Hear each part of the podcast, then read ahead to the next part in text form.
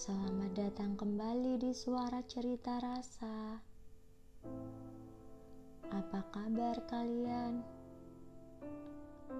Udah lama ya nggak bercerita rasa melalui suara. Sampai-sampai ada yang bilang kalau nunggu cerita lanjutannya. Sebenarnya aku udah siap melanjutkan cerita dari episode sebelumnya tapi karena sekarang keburu tahu dia begitu nggak ke satu orang, jadi lebih baik dicukupkan. Ternyata susah yang ngebedain yang baik sama yang pura-pura baik. Yang jujur sama yang bohong yang bilangnya tulus eh taunya itu nggak serius.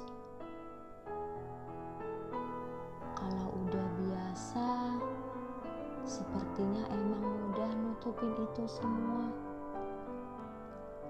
Tapi percayalah kalau kamu selalu melibatkan yang maha kuasa sebagai sandaran perjalananmu petunjuk baik itu pasti ada. Pengalaman banget sih buat pemula sepertiku. Bukannya aku gak memaafkan, tapi emang gak bisa dilupakan.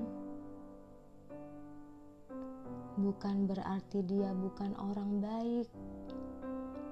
Mungkin lebih tepatnya, nggak baik jika dia yang bersamaku.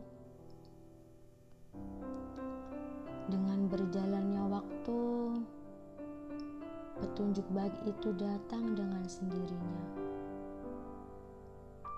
Dari sini aku bisa menyimpulkan ketika kamu bertanya kepadanya, pasti akan ada jawaban. Lucu sih ketika ada temanmu yang menceritakan seseorang ke kamu. Eh, ternyata orang yang diceritakan adalah orang yang ada di ceritamu. Untungnya aku gak cerita balik. Karena aku tahu aku bukan penentu baik enggaknya dia untuk orang lain. Cukup aku membuktikan kalau dia nggak baik untuk aku.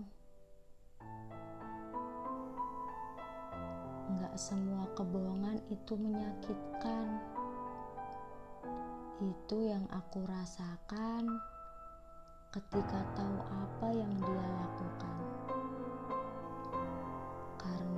situ aku jadi lebih ikhlas lagi merelakan tanpa berpikir kembali untuk mempertahankan.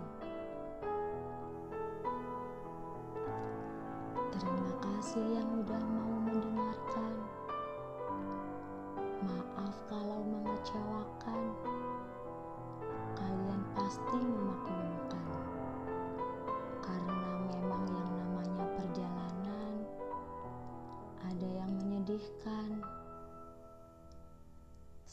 Jumpa di podcastku selanjutnya melalui suara. Aku mengungkapkan rasa.